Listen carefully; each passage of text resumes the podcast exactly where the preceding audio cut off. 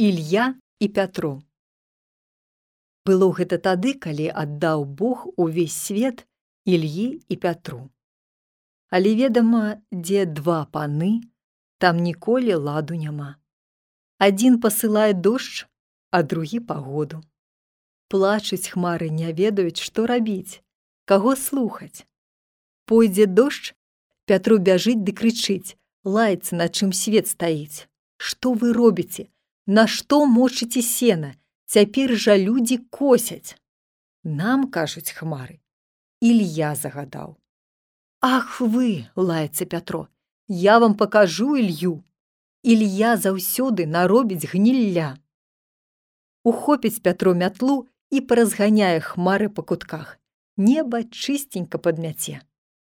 Ды вось, ні стуль, ні сюль тарахціць едзе Ілья, крычыць, як на жывот аж неба і зямля дрыжаць. Хмары таўкуцца, бы непрытомныя, вылазяць з куткоў і ўжо ліне такі дождж, што не толькі берагі, але і груды паплывуць. Жаляцца людзі Богу, што паны б'юцца, а ў мужикоў чубы трасуцца. Жаляцца і просяць, каб Бог даў пагоду прызывае Бог Ілью, сварыцца на яго, а той кажа, што столькі развялося нечысці, трэба яе громам пабіць, бо ўвесь свет запаганіць. Прызывае Бог Пятра і кажа, што няхай Ілья трохі папалюе чарцей. А Ілья тым часам падымае такія грымоты, аж зямля стоўня. Няма ні дня, ні ночы. Хмары таўкуцца, як у юны ў рэшаце на небе кіпіць як у гаршку.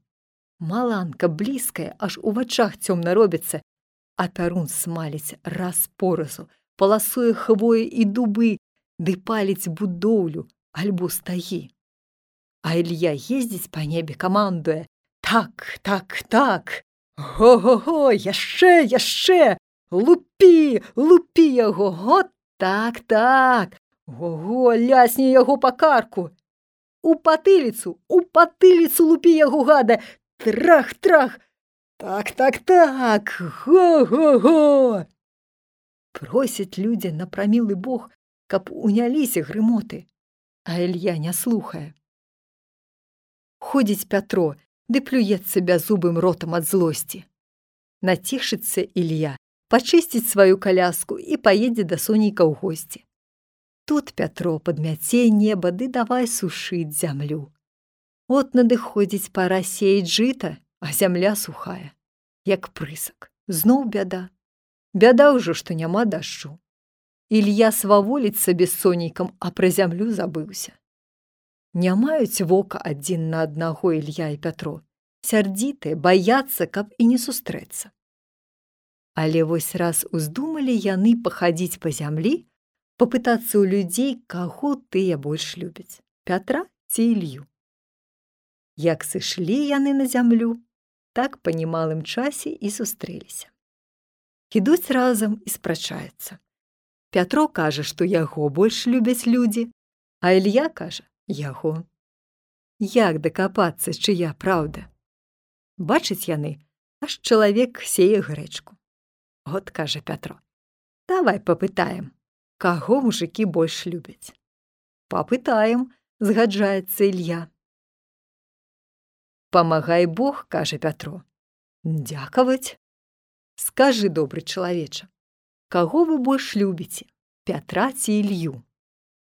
Мужык зняў з плячэй сявок, паставіў яго на зямлю, пачухаў патыліцу ды кажа: « Абагі яго знаюць, каго мы больш любім, Мо Ілью, мо Паўла Пятра, Ты не гарадзі плота, гаворыць Пятро. Кажы проста.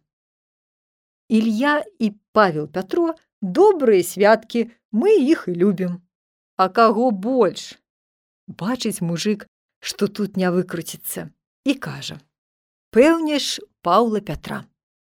Аж затросся Ілья ад злосці.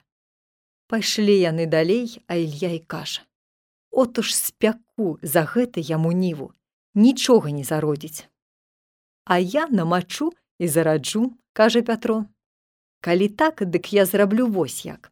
Хто першы укусіць з гэтай нівы перапеч, той адразу ж і падавіцца. ухмыльнуўся Пятро і пайшлі яны далей. Было вельмі добрае тое лета.